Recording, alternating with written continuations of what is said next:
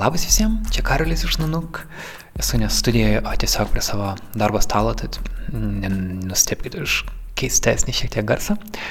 Kaip ir žadėjom, noriu pasidalinti pirmoju Naila bonus epizodu, kas iš esmės nėra pilnavertis epizodas, bet kartais taip nutinka, kad tu padarai interviu su žmogum, visas interviu yra tau atrodo įdomus ir vertas pasidalinti, bet pagal dokumentikos visas taisyklės ir visą kitą tu tiesiog naudoji tam tikras dalis, kad, na, kad viskas, visa galutinė medžiaga neužtruktų 3 ar 4 valandų.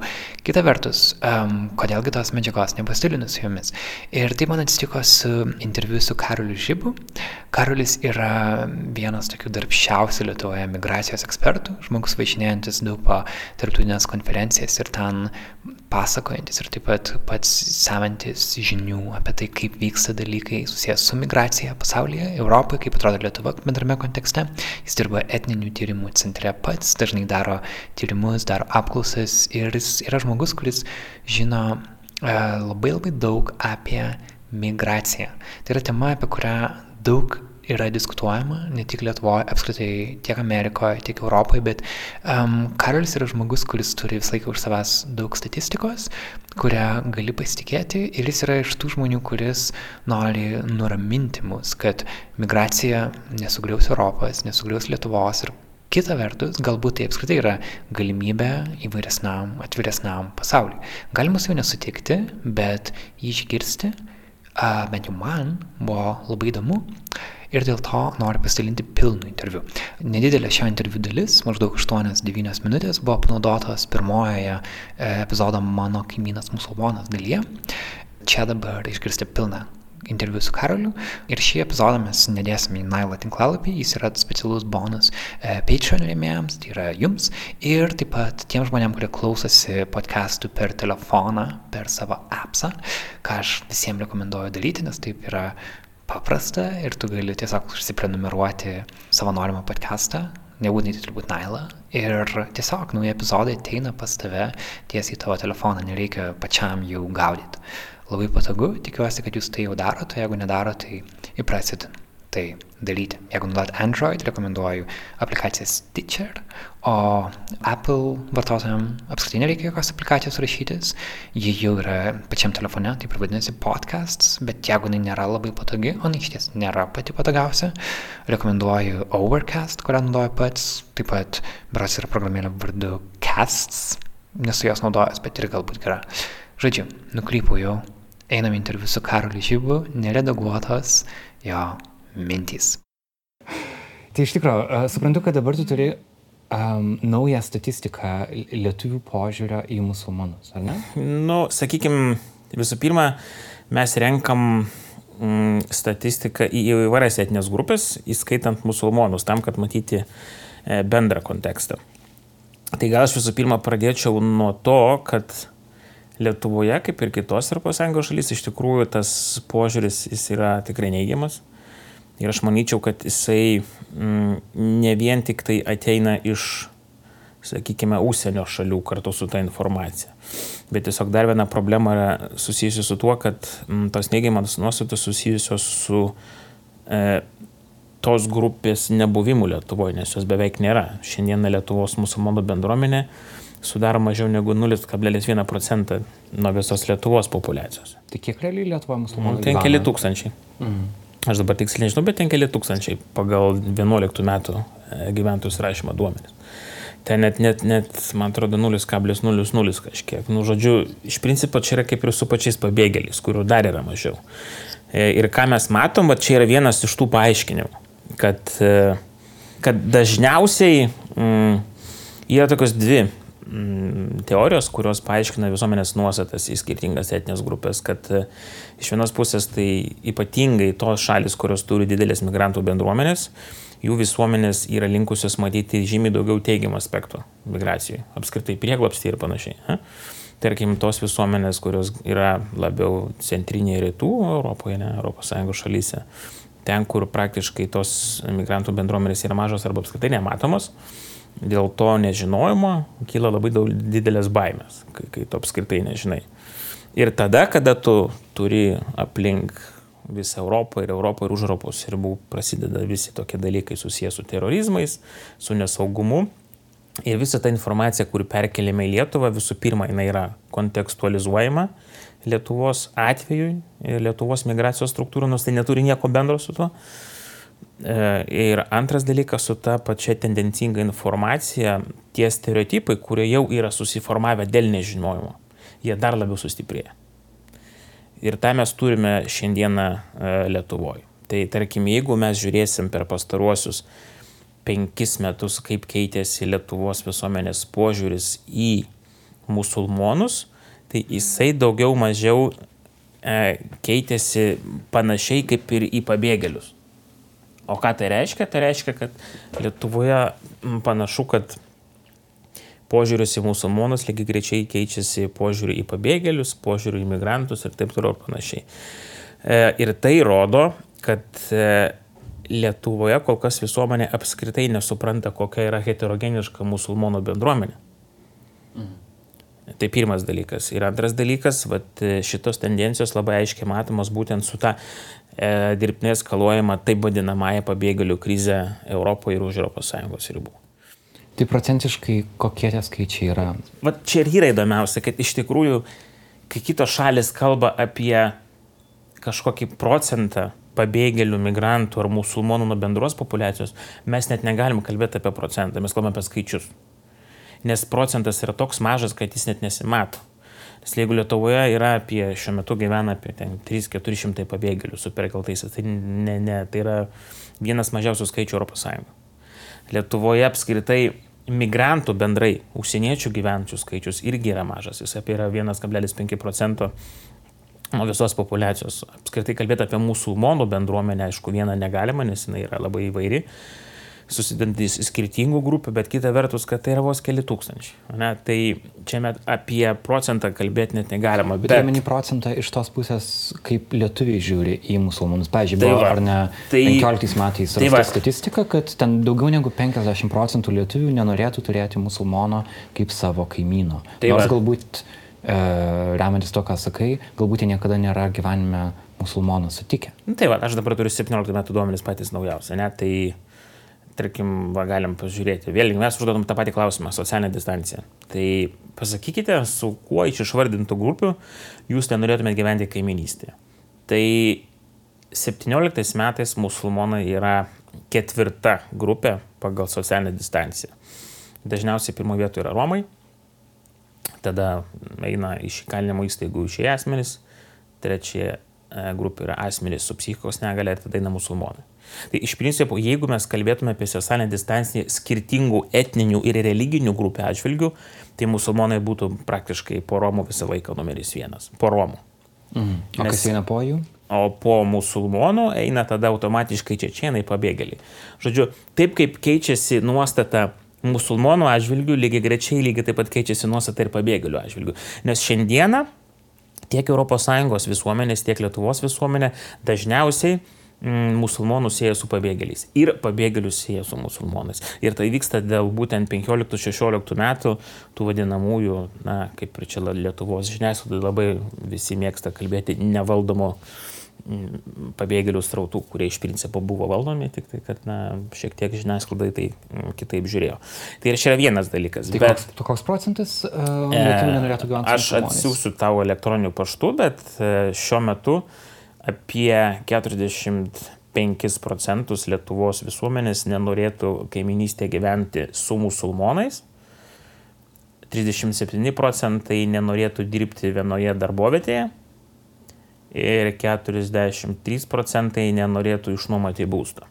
Mm. Tai jeigu... Šie skaičiai auga? Ar... Tai va dabar palyginkime, čia labai įdomus dalykas. Šitie skaičiai e, priklauso nuo išorės faktų dažniausiai. Jeigu mes paimsim 16 metus, 16 metais tie skaičiai buvo didesni. Tai iš principo neapykanta sumažėjo labai labai minimaliai. Bet dabar pagalvokite, dėl ko sumažėjo. Dėl to, kad per 17 metus niekas nebeeskalavo, sakykime, nei terorizmų, nei tų nevaržomų pabėgėlių srautų, taip kaip buvo anksčiau. Tai iš principo, ką mes šiandien matome Lietuvoje, tai jinai yra ta nuostata nusistovėjusi, jinai yra stabili ir neigiama, bet dažniausiai jinai kinta dėl išorės faktų. A. Tai yra, ar vyksta kažkokie tai teroristiniai išpoliai, ar vyksta kažkokios kitos ten masinės liaužės ar dar kažkas, ir kaip visi tie įvykiai siejami su musulmonų migracija ir kaip visas šitas, sakykime, informacinis paketas kontekstualizuojamas Lietuvos atveju. Ir man atrodo, dažniausiai priklauso, kaip tuos, mm, kaip tos nuostatos keičiasi. Ir iš tikrųjų, jeigu mes pažiūrėsime il, per ilgesnę perspektyvą, tarkim, ilgalaikį perspektyvą, mes ir matom, kad m, mm, tuo metu, kada čia buvo, sakykime, 2015 metai, mes tuos, e, sakykime, tą patį tyrimą darėm mm, tuo metu, kada buvo tik įvykę tragiški įvykiai Bataklane Paryžiui. Tos nuostatos iš karto padidėjo.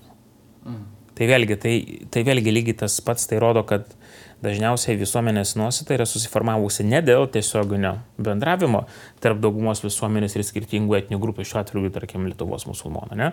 bet labiau dėl viešajam diskurčiai vyraujančių nuostatų. O dėl to man yra teisinga sieti įvykius, pavyzdžiui, Paryžėje, teroro įvykius Paryžėje su Lietuvoje gyvenančiais musulmonais? Ar apskritai Ne, tai visų pirma, ka... gali turėti kažką bendro. Visų pirma, kalbėkime apie tai, kad apskritai sieti migracijos procesus tiesiogiai su terorizmu jau tai yra klaida. Aš jau nekalbu apie tai, kad sieti tuos teroristinius įvykius kažkaip su Lietuva. Bet jeigu žiūrėsime mes į... Žmonės galvoja taip, kad, aha, ten savižudžiai sprogdintai buvo musulmonai arba save laikė musulmonais ir jie sako, kad tai daro Dievo Alacho vardu tai tarsi automatiškai prezimuoja, kad žmonės, kurie Lietuvoje gyvena ir irgi tiki į Alachą, tarsi palaiko juos. Turbūt logika yra tokia, ar ne? E, jo, bet čia logikos nėra. E, aš siūlau neieškoti logikos ten, kur jos nėra. Nes visų pirma, tai jie nedaro Alacho vardu. Visų pirma, jie tai daro visai kitų vardų. Ir jeigu jūs pasižiūrėsite į absoliučiai daugumą įrašų, kurie yra padaryti teroristų, po visų sprogimų yra aiškiai žinutė Jeigu jūs einate su karinė invazija į artimuosius rytus ir kitus kontinentus, jūs galite tikėtis to pačio. Tai yra visiškai nieko bendro neturintis dalykai su, su pačia religija. Bet aišku, labai paprasta sieti tai su religija, nes e, visi arabų pavasarį ir visa kita, tai ir visas, visa ginklų, prekyba ginklais iš Europos ir JAV į Afriką ir artimuosius viduriniosius rytus, tai yra nekas kita, kaip priežastis to, ką mes šiandieną čia turim Europos Sąjungoje. Tai vėlgi, tai labai lengva pasakyti, kad tai yra daroma Lacho vardu, bet nemanau, kad net ir reikėtų gilesnės analizės, jeigu pasižiūrėtumėm labai didelę dalį mm, tų, sakykime, įrašų vaizdo, kurie buvo daryti po arba prieš, tai yra labai aiškus grasinimai susiję su visai kitais dalykais. Bet Tai, žodžiu, atsakymas yra politikoje, teroro aktų, o ne, o ne religijoje. Tai čia visų pirma reikia žiūrėti, čia yra problema, bet kada mes kalbam apie šitos visos informacijos ir kažkokių tai iššūkių kontekstualizavimą Lietuvai, tai nu, apskritai turbūt yra mm, absurdas vien dėl to, kad na, visų pirma, kaip ir minėjau, Lietuvoje tų musulmonų praktiškai jų nėra. O jeigu ir yra, tai didžioji dalis tų musulmonų yra laikomi kaip ir tradicinė musulmonų bendruomenė, tai yra totoriai, kurie atvažiavę labai daug šimtų metų prieš. Jeigu mes kalbam apie šio laikinę migraciją, tai yra migracija iš dažniausiai Turkijos, ne, po 91 metų arba, sakykime, dabartinę mm, prieglopšio prašytojų migraciją arba mobilumą per perkelimo programas, tai jų yra vos keli arba keli šimtai. Tai čia yra visiškai tas skaičius, kuris kuris, sakau, negali būti skaičiuojamas procentinė išaiška, nes jis yra pernelyg mažas. Ir šito vietu reikia pasakyti, kad na, visos tos perkelimo programos jos turi labai aiškius saugumo, mm, sakykime, tokius rodiklius ar, ar, ar, ar, ar sakykime, indikatorius, kurie iš principo tą visą žmonių atranką padaro tenais. Tai man atrodo, šito vietu reikia žiūrėti labai, labai paprastai ir, ir, ir pragmatiškai. Tai pirmas dalykas. Antras dalykas, jeigu jūs pasižiūrėsite, kokia žinutė ėjo 15-16 metais per Lietuvos žiniasklaidos priemonės, jūs labai aiškiai pamatysite labai tendencingą informaciją. Kitaip tariant, ką jūs matot, jauni vyrai okupuoja ES. Vėlgi nereikia būti analitiku, įsijungiame Junktinių tautų vyriausio pabėgėlių komisariato puslapį ir mes pamatom, kad absoliučiai dauguma pabėgėlių yra vaikai ir moteris. Ir tas matosi lygiai taip pat Europos Sąjungoje, tik tai tam tikrų momentų dėl tam tikrų strategijų migravo vyrai, nes moteris arba dar kol kas buvo likusios tose stovyklose, ten pradedant Zatarį camp ir e, baigiant kitose, ir paskui jos migravo arba atvirkščiai, arba migruoja nelydimi nepilnamečiai, bet vėlgi šitą dalyką įsiaiškinti yra labai paprasta, įsijungi du arba trys kaip ir šaltinius ir tu tą dalyką matai, bet, bet yra lengviausiai parašyti tai, kad ES puola jauni vyrai. Tai reiškia, tai yra tam tikra grėsmė identitetui, kultūrai ir ypatingai per, sakykime, E, mišrės santokas, ne, kas irgi labai yra toks, sakykime, stiprus identiteto išraiškos, išraiška arba išraiškos e, vaizdavimas. Ir tokiu būdu, kaip ir minėjau, e, tas, mm, tas iš ankstinis nusistatymas, tie visi etiniai religiniai stereotipai, jie tik tai sustiprėja. Nes toj šaly, kur tu net neturi galimybės susitikti su pabėgėliu, mm, ta prasme, tu vienintelį informacijos šaltinių tai turi iš, iš išorės, tai yra iš, iš, iš žiniasklaidos. Ir kadangi žiniasklaida dažniausiai demonstruoja arba, sakykime, perduoda tą informaciją apie musulmonus, kuri nėra iš Lietuvos, tai, na, nu, tas, tas dalykas yra susiformuoja. Tai manau, kad norint gerinti Lietuvoje pačių musul... požiūrį į musulmonus, reikia tiesiog, kad musulmonų būtų daugiau ir kad jie būtų matomesni. Aš manau, kad... E, tarkim, galbūt reikia net kažkokių tokių, kurie turėtų, žinai, celebrity, įžymybės statusą, gal tiesiog nėra kas kalba musulmonų vardu Lietuvoje? Aš manyčiau, kad nereikia kalbėti nei apie daugiau, nei apie mažiau, nei, nei tiek pat. Aš nemanau, kad čia yra visų pirma problema Lietuvoje. Tai grįžkim visų pirma prie to, kokiu būdu mes galime keisti visuomenės nuostatas. Jeigu mes keisim taip, kaip va, tu sakai, kad mes dabar čia paimsim ir atrasim kažkokį celebrity, nu taip, galbūt dalies visuomenės nuostatas turiu pakeisti, bet turiu pakeisti tų galbūt nuostatas, kurie galbūt balansuoja nežinomybės ar nesupranta. Bet jeigu mes norim keisti viską struktūriškai, tai mes iš principo turime keisti the curriculum. Arba kitaip tariant, mes turime apskritai keisti mokymo ir mokymosi programos nuo darželio, pradinių mokyklų, vidurio mokyklų ir, ir taip toliau ir panašiai. Ta prasme, kad šiandieną net ir per um, matematikos, chemijos, fizikos, biologijos, istorijos pamokas turi būti aiškiai artikuliuojama, kas tai yra migracija, kas tai yra įvairovė, kas yra religijų įvairovė. Ne? Lygiai taip pat per, sakykime, tas pačias fizikos, chemijos ir visas kitas pamokas reikia labai aiškiai artikuliuoti, kas tai ES, kokios ES vertybės, ne, kas yra žmogaus teisų politika ir panašiai.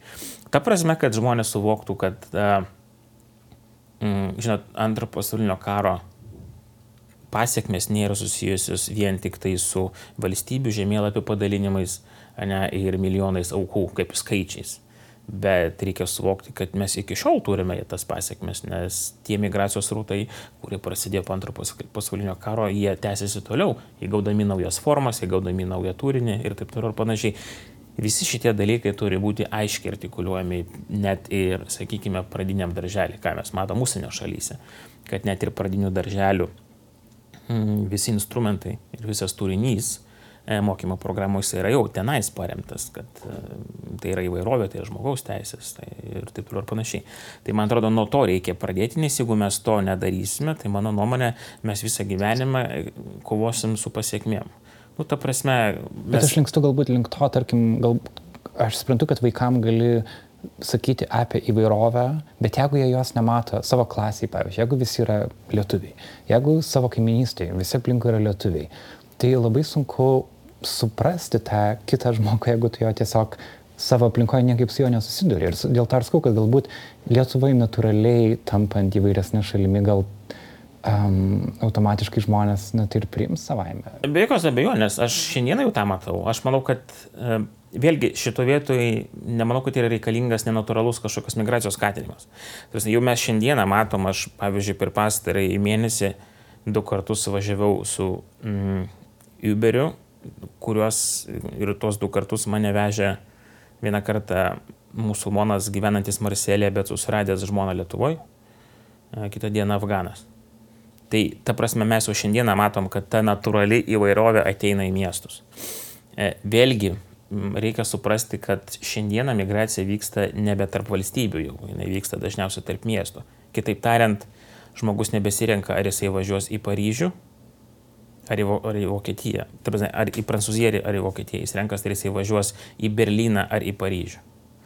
Iš principo dabar vyksta A urbanizacija, B tarptautinė migracija į pagrindinius miestus ir tai vėl didina urbanizaciją. Ir ką tai rodo, tai rodo, kad Lietuvos, sakykime, periferijoje net ir ateityje pakankamai sunku tikėtis, kad žmogus išvis įvairovę.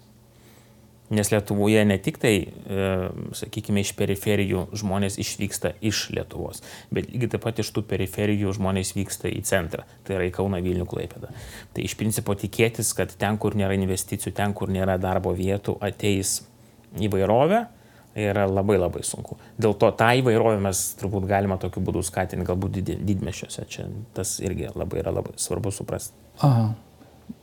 O ar įvairovė būtinai yra reikalinga valstybei? Galbūt, tarkim, tokio tautiško nacionalistinio požiūrio žmonės sakytų, kad Lietuva yra tokia, kokia yra ir reikėtų ją tokia išlaikyti, užuot, uh, na, kad mes priimame įvairovę, tarsi dabar kalbėtumės kaip savaime vertybę, ar ne, kad tai tarsi duoda kažką, kažkokias naujas patirtis, kažkaip plečia valstybę, bet gal kitų žmonių nuomonė to kaip tik nereikia ir tikslas turėtų būti išsaugoti lietuvišką Lietuvą.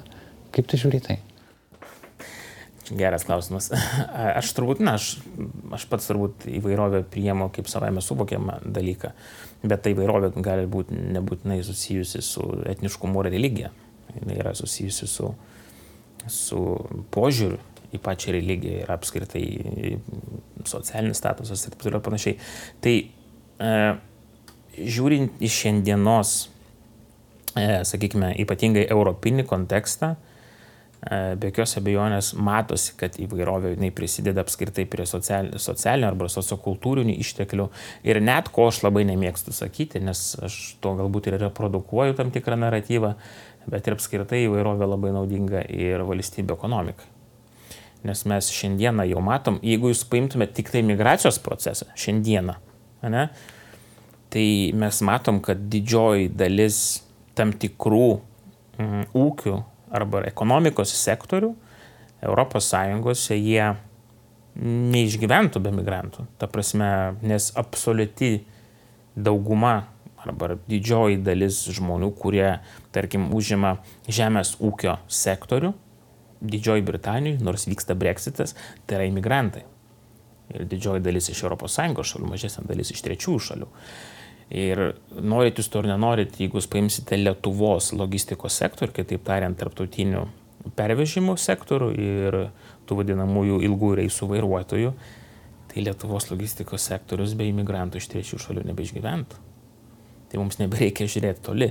Tai vien šitai rodo, kad tai yra svarbu e, žemės, kai kur žemės ūkio sektoriui, kai kur logistika ir taip toliau panašiai, ypač Lietuvai, kur iš principo per daug nieko nekuria, bet kuri labiau transportuoja, kas sukurta vienoje vietoje, ne į, į, į kitą vietą pagal pasiūlą ir paklausą.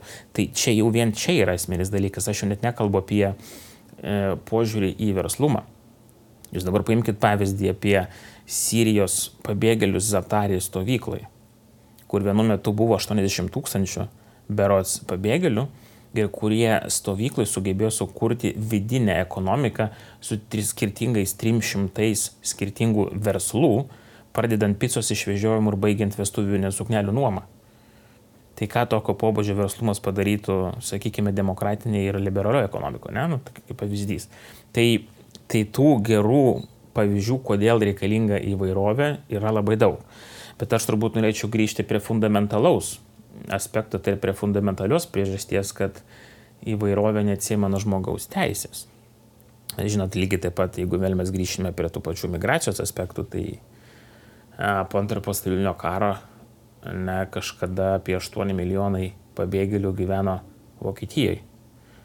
Iš tų 8 milijonų labai didelė dalis buvo ukrainiečių, vengrų ir lietuvių.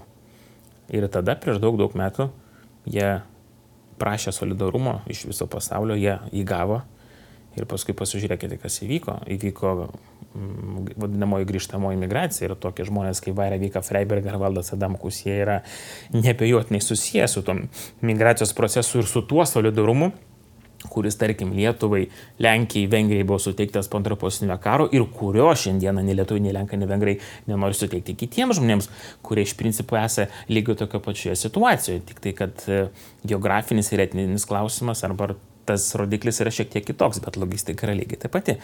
Tai šito vietoje mes nepamiršim, kad įvairovė yra susijusi su žmogaus teisėm. Tai aš grįšiu prie labai banalaus pavyzdžio dėl įvairovės, nes e, kažkada labai daug žmonių netikėjo, kad moteris gali balsuoti. Tai žinot, mes šiandieną į tą įvairovę galbūt žiūrim per nelik konservatyviai. Tai man atrodo, kad mes tą turime priimti kaip, kaip, kaip tas procesas, kuris vyksta jau čia ir dabar. Ir nebekalbėti apie tai kaip apie kažkokį tai potencialų iššūkį, kuris bus ateityje. Apskritai įvairovė tai yra galimybė, aš manyčiau. Tai čia yra turbūt dar vienas aspektas, kuris, kuris yra svarbus. Ir na, tada jeigu mes pažiūrėsim apskritai na, bendraja prasme, kas tai yra įvairovė, bet tai reikia suprasti, kad tai yra e, šiandien ES įvairovė suprantama na, kur kas plačiau. Tai yra vėlgi ne, ne ta religija, ne, ne, ne etniškumas, ne vien migracija, bet ir šiandieną įvairovė yra tai, kad ir pagyvenę žmonės yra labai svarbi tikslinė grupė ES tiek žmogaus teisų perspektyvoje, tiek ekonomikoje, tiek darbo rinkoje. Nes mes šiandieną matom, kad dar po kelių dešimtmečių didžioji dalis populacijos ES ir Lietuvoje sudarys pagyvenę asmenys. Ir nepaisant to, kad šiandieną ES apie 80-85 procentus viso populacijos prieaugas sudaro migrantai iš trečių šalių, nepaisant to vis tiek vietinės populacijos senėjimas ir, ir populacijos mažėjimas lieka pagrindiniu iššūkiu. Tai čia dar per viso šito, sakykime, per viso šitos problematikos dar prisideda ir demografija, kuri aišku tiesiogiai susijusi ir su darbo rinka. Bet tai irgi yra viena iš baimių. Žmonių, Taip, bet žiūrėkit, kad... jūs norite ar nenorite, ne? Jūs norite ar tai nenorite, jūs matot, kad e, ES jau pastarį dešimtmetį e, jinai, jos ekonomika laikosi praktiškai dėl to, kad e, jauni migrantai atvažiuoja ir užima darbo vietas. Tai tada mes turim vieną, du pasirinkimus. A. Arba mes nekreipiam dėmesio į įvairovę ir kuriam getus. B. Mes kreipiam dėmesį į įvairovę, laikom tai kaip dalies žmogaus teisų agendą ir toliau bandome, sakykime, pasinaudoti migracijos ir integracijos socialiniais, kultūriniais, ekonominiais e, ištekliais. O tai yra tos dvi galimybės. Šiandieną kalbėti apie nacionalistinės valstybės, tautinės valstybės išsaugojimą, na, jau vien dėl tam tikrų demografinių klausimų, kurie tiesiogiai susiję ir su darbo rinka, jau tai yra, jau tai yra per daug sudėtinga ir manau, kad naivu ir neįmanoma. Bet sakau, man šitas tas toks neoliberalus argumentas galbūt ne kiek yra svarbus, kiek tai yra svarbu uh, ir svarbi yra pati žmogaus teisės savoka ir apskritai žmogaus teisų agenda, nes mm, vėlgi e, mes negalime turėti ir laikyti, mm, laikytis to selektyvaus solidarumo arba selektyvų žmogaus teisų principų. Negali būti selektyvų žmogaus teisų. Arba jūs yra, arba jų nėra. Kaip ir solidarumas, arba jis yra, arba jų nėra. Ir ką mes šiandien matom, tarkim, rytinėje Europoje, tai kad yra tas selektyvus žmogaus teisų klausimas. Nes Viena dalis žmonių sako, kad mes priimsime tos pačius karo pabėgėlius iš Ukrainos, bet nepaimsime tokių pačių karo pabėgėlių Sirijos. Ne? Kiti selektyvų solidarumą žiūri kitaip. E, visiems labai smagu, kad tam tikras šalis ES sutvarkė tam tikras švietimo sistemas, antidiskriminaciją sutvarko, mokyklas restauruoja, stato kelius, infrastruktūrą ir taip toliau ir tas solidarumas ekonominis kai kuriam šalims mūsų regioniai, skaitant ir mūsų šalį, padėjo šiek tiek kilstelti valstybę į kitą lygmenį. Galiausiai tada, kad mes norime solidarumo e, Rusijos okupacijos Ukrainoje ar, arba, ar, ar, ar, ar Gruzijos atžvilgių, mes tą solidarumą gaunam tiek iš Briuselio, tiek iš, iš kitų ES šalių. Bet tada, kai to solidarumo reikalavo kitos šalis, tarkim, solidarizuotis, kada mes kalbam apie, apie prieglapščios rautus ir, ir kad tą visą spaudimą padalinti ne tik tai, sakykime, viduržymė jūros regionai, bet ir kitiems regionams, tada automatiškai solidarumas gaunasi selektyvus, o ne mes jau solidarumo rodyti nebenorim. Bet kada mums reikalingas solidarumas prieš Rusijos veiksmus, mes patys pirmieji, kurie važiuojame į Briuselį ir jo prašom. Mm. Man atrodo labai svarbi ta vieta, kurią sakai, kad uh, Lietuvos visuomenė linkus padėti žmonėm, kuriuos laiko galbūt tokiais savais. Ir tai turbūt reiškia, kad yra tos pačios religijos kaip ir lietuviai. Kitaip tariant, kad lietuviai mieliau priimtų krikščionis e, migrantus negu uh, musulmonus migrantus. Ir turbūt statistika tai. Taip, va, tai tarkim, 17 metų vienas iš tyrimo domenų masyvų. Tai klausimėms, ar jūs sutiktumėte ar nesutiktumėte, kad e, Lietuva priimtų gyventi pabėgėlius ir darbo migrantus iš ne ES šalių. Tai nesutinka, 68 procentai nesutinka priimti klimato kaitos pabėgėlius musulmonus Tuo tarpu 45 procentai tik tai nesutinka priimti klimato kaitos pabėgėlius krikščionis. Tai kaip matom, skirtumas yra apie 20 procentų. Bet iš kur tas ateina? Vadinasi, kad realiai Lietuvoje bijoma konkrečiai islamo labiau, ar ne? Kaip, Taip, be jokios abejonės. Tačiau, kaip sakyti, jeigu atvykstų, pavyzdžiui, arabas krikščionis, gal atrodo nebūtų ir didelės problemos. Bet kas tuomet yra pačiame islame, kas gazina lietuvius? Ar tai yra tik tai viešas diskursas? Teroro atakos? Tai bet iš tai principo teroro atakos. Bet tai yra paskutinių kelių metų reiškinys, ar ne? Taip. Atrodo, kad... Ir nemanau, kad jeigu prieš dešimt metų būtum paklausęs žmonių, ar jie būtų visiškai už... Tik... Būtų panašu. Aha. Tik, jeigu, tai, tai, vadinasi, jeigu, aš, jeigu aš dabar pasi, pasižiūrėčiau į mūsų duomenis ir jeigu aš rašiau 2006 metų, šiaip būtų labai įdomu pasižiūrėti tarkim, 2005 metai, ne? Nu, va, prašome pasakyti, su kuo išvardytų žmonių grupių jūs nenorėtumėt gyventi kaiminystėje. 51 procentas su musulmonais. Tai dar daugiau. 51, tai tam... Negu dabar. Taip, bet atsiminkim, kad 2005 metai, 2006 metai, ypatingai 6 metais prisiminkim bomba, bombos, bombos Londone 2006 pavyzdžiui metai. Aha. Paskui septinti metai karikatūrų skandalai, Teo Van Gogo nužudimas e, Niderlanduose, e, Prancūzijos priemišių riaušės, ta prasme, Romų deportacijos. Praktiškai kiekvienais metais būdavo tam tikri įvykiai, kurie būdavo kontekstualizuojami Lietuvoje. Čia mes nekalbam vien tik tai apie 17-16 metus, apie ten Briuselio oro uostos sprogimą arba apie Bataklaną. Ta prasme, prisiminkite, kad kad e, nuo rugsėjo 11-osios paskui atsirado 2005 metai Londonas ir taip toliau ir panašiai.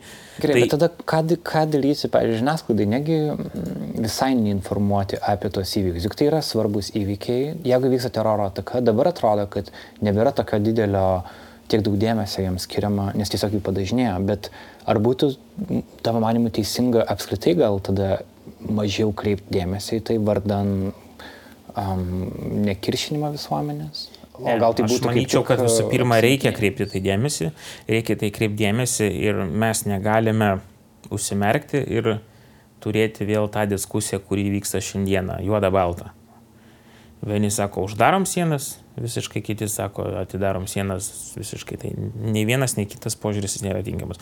Visų pirma, man atrodo, mums reikia atsakyti nepatogius klausimus, ir į problemą žiūrėti analitiškai. Ne, nes šiandieną kokias mes diskusijas turim, tai jos iš principo daugiau mažiau yra ypatingai apie musulmonus ir migraciją, ir apie pabėgėlius, apie prieglapšio perkelimą, ten visas tas programas solidarumą, tai jos yra labiau emocinės, o ne empirinės. Tai man atrodo, kad čia reikalinga labiau nuo emocijų, nuo to ir lygiai taip pat nuo apskritai kažkokio kultūrinio arba etinio identiteto prizmės pereiti prie, prie tyrimais gristų argumentų, prie faktų, prie to, ką mes šiandieną turime. Jeigu mes turime getų procesą, jeigu mes turime socialinės atskirties procesą, mes turime atsakyti klausimą, kodėl tai vyksta, kada tai prasidėjo. Suprantat, aš jums duosiu paprastą pavyzdį. Mm, šiandieną visi važiuoja tos vadinamusius Chinatownus ir visi fotografuojasi. Bet jūs nuvažiuodamas ten ir fotografuodamas savo draugą ar draugę ar ką nori, jūs sukultūrinate rasizmo procesą, jūs sukultūrinate neapykantos procesą. Nes jeigu žinotumėt, kaip buvo įsikūręs pirmasis Šeinataunas, tai mes visi žinom, kaip jis buvo įsikūręs. Tai tada, kada patys kinų darbo migrantai tiesė Amerikoje geležinkelį ir kada buvo didžiulė socialinė atskirtis ir kada buvo einam labai didžiulis neapykanta jų atžvilgių, jie tiesiog save mobilizavos ir sugebėjo save atstovauti per bendruomenę, kuri per ilgą laiką pavirto uždarų Chinatownų. O šiandien mes tai žiūrim kaip egzotiką. Suprantat, tai visi šitie, į visus šituos dalykus mes turime žiūrėti labai analitiškai ir visiškai atmetant kažkokias emocijas, nes čia emocijams ne vieta. Tos emocijos ir paskui įtvirtina visokius stereotipus, iš ankstinius nusistatymus. Ir mes tą patį, patį galim kalbėti apie e, tuos pačius e, musulmonų kvartalus, ar kitaip juos vadina getais ES, dėl ko jie įvyko ir kas atsitiko, kokia buvo diskriminacija.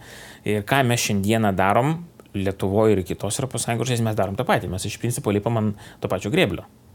Ta, ką padarė vokiečiai su turkais Vokietijoje, ką jie padarė. Nes jie, kaip ir pasakė, nu, mes klaidą padarėm. Mes norėjom darbo jėgos, atvažiavo žmonės. Tai šiandieną, liberalizuojant migracijos politiką, mes matom tą patį Lietuvoje mes norim darbo jėgos, bet atvažiuoja žmonės. Ir jeigu mes nežiūrėsime per įvairovės ir žmogaus teisų prizmę, o žiūrėsime vien tik tai per ekonomiką, tai mes patys pakartosim tą patį scenarių, kuris kūrėsi toliau. Tai čia vėl mano atsakymas į klausimą, kad įvairovė, jinai yra būtina, bet ją reikia išnaudoti. Ir dėl to, norint ją išnaudoti, reikia investuoti į integracijos procesą.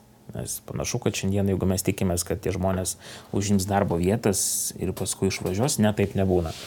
Taip kaip ir atsitiko su lietuviais, kurie išvažiavo į po antro pasaulinio karo ir kurie išvažiavo po 91 metų, didžioji dalis jų liko ir ne negrįžta. Ir čia nereikia būti naiviais. Ne? Tai šitą, sakau, procesą reikia žiūrėti plačiai, nes čia jisai nėra schematinis ir be viso to imigracijos struktūra jinai nėra homogeniška. Ir nori tu to nenori, musulmonų bendruomenės jos sudaro tam tikrą dalį visos migracijos struktūros, vienoje šalyje didesnė, kitoje mažesnė, bet iš principo tai yra esminis dalykas, kad investicija į žmogaus teisės ir integracija yra būtina. Be šito mes apskritai net negalim kalbėti ne apie adekvačią įvairovę, nei apskritai apie žmogaus teisės, nes žmogaus teisės yra taikomos visiems. Ir tau, ir man, ir migrantų, ir, ir neįgaliam asmeniu, ir vyrų, ir moterių, ir kam tik tai nori. Nu, tai... Mm. Tai visai pabaigai, tavo manimų islamofobija Lietuvoje auga ar ne? Aš taip pasakysiu. E, šiandieną man atrodo, kad jinai yra nei auganti, nei krentanti. Jinai yra pakankamai nusistovėjusi viename ligmenyje. Ir aš tai vis dėlto vadinu labai didelė socialinė distancija ir, ir, ir, ir ta nuostata yra neigiama. Bet čia mes turime atskirti vieną dalyką. E, apie tą, ką mes šiandieną kalbam, mes kalbam apie nuostatas. Tai yra procesas, kuris vyksta nuostatų lygmenyje. Kitaip tariant, tai yra prielaida arba diskriminacijai, arba nepykantos nusikaltimui. Tai va, šiandieną, ką mes turim Lietuvoje, palyginus neblogą situaciją, jeigu mes lyginsim su Lenkija, Čekija, Slovenija, Slovakija ir Vengrija, tai kad e, daugumoje atveju e, ta vadinamoji tas viešasis diskursas, arba sakykime, neapykantos kalba, jinai nepereina iš hipererdvės į realų teisinį ir praktinį ir socialinį ten, santykių realizavimą. Kitaip tariant, neapykantos kalba nepeina, neperina į rasizmą ir neapykantos kalba nepereina daugumoje atveju į neapykantos nusikaltimus. Mes jų turim, bet tai nėra tas pats, kas vyksta Čekijoje, Vengrijoje ir kitose šalyse. Tuose šalyse neapykantos nusikaltimai yra kasdieninė problema. Ir ten mes iš tikrųjų matom, kad tie žmonės, kurie dirba mm, ypatingai prieglapščio arba pabėgėlių integracijos rytyje, jie labai dažnai gauna grasinimus net ne į savo darbovietę, bet į savo asmeninius adresus. Tai, Ar tu esi gavęs ką? E, Lietuvoje mes, mes tai, tai ir aš, ir aš, kiek žinau, ir, ir ten iš ypatingai iš nevyriausybinio organizacijų, kurios dirba, tai ateina laiškų, įsilis skambučių ir laiškų ateina į paštą, kad ką jūs čia darote ir, ir taip ir panašiai. Bet gatvė vaikščiodamas jauties saugus. Ne, aš tai dėl to aš, aš apskritai jaučiuosi saugus, bet dėja, sakau, užsienio šalyse mes jau matom, kad tas e, vadinamas hate speech perina į hate crime. Tai man atrodo, šiandien mes dar kol kas kalbame apie apie didžiąją dalimi prielaidas, bet iš tikrųjų islamofobija yra, yra kažkas tokio, į ką reikia atkreipdėmėsi, nes jeigu jūs paimsit e, elementarų, sakykime, socialinės žiniasklaidos arba Facebook'o aspektą, tai va, ten jau yra problema, nes ten mes matom, kad e, kai tam tikras straipsnis perkeliamas iš kažkokio tai mainstreaminio žiniasklaidos kanalo į, e, į Facebooką, jau tada po to, sakykime, postui mes jau matom, kad ten jau prasideda tikroji neapykantos kalba. Klausimas, kiek tai išeina į praktinį etinių santykių realizaciją arba rasizmą arba neapykantos nusikaltimą, labai sudėtinga pasakyti, nes kol kas šiandieną neapykantos nusikaltimai dar nėra taip pat pažįstami, registruojami taip, kaip turėtų būti registruojami. Nes aš prisimenu, mes kažkada darėm pagrindinių teisų agentūrai vienoje tyrimą ir mes tikrai matom, kad na, dažnai tiesiog neapykantos nusikaltimas, kuris turi apskritai visai kitą sakykime, visus kitus teisinius vertus, visai kitaip teisiškai reglamentuotas, jisai būna identifikuojamas kaip tiesiog huliganizmas. Ir automatiškai teisinė atsakomybė yra žymiai mažesnė. Tai, va, tai man atrodo, kad šiandieną tai yra labai didelė problema.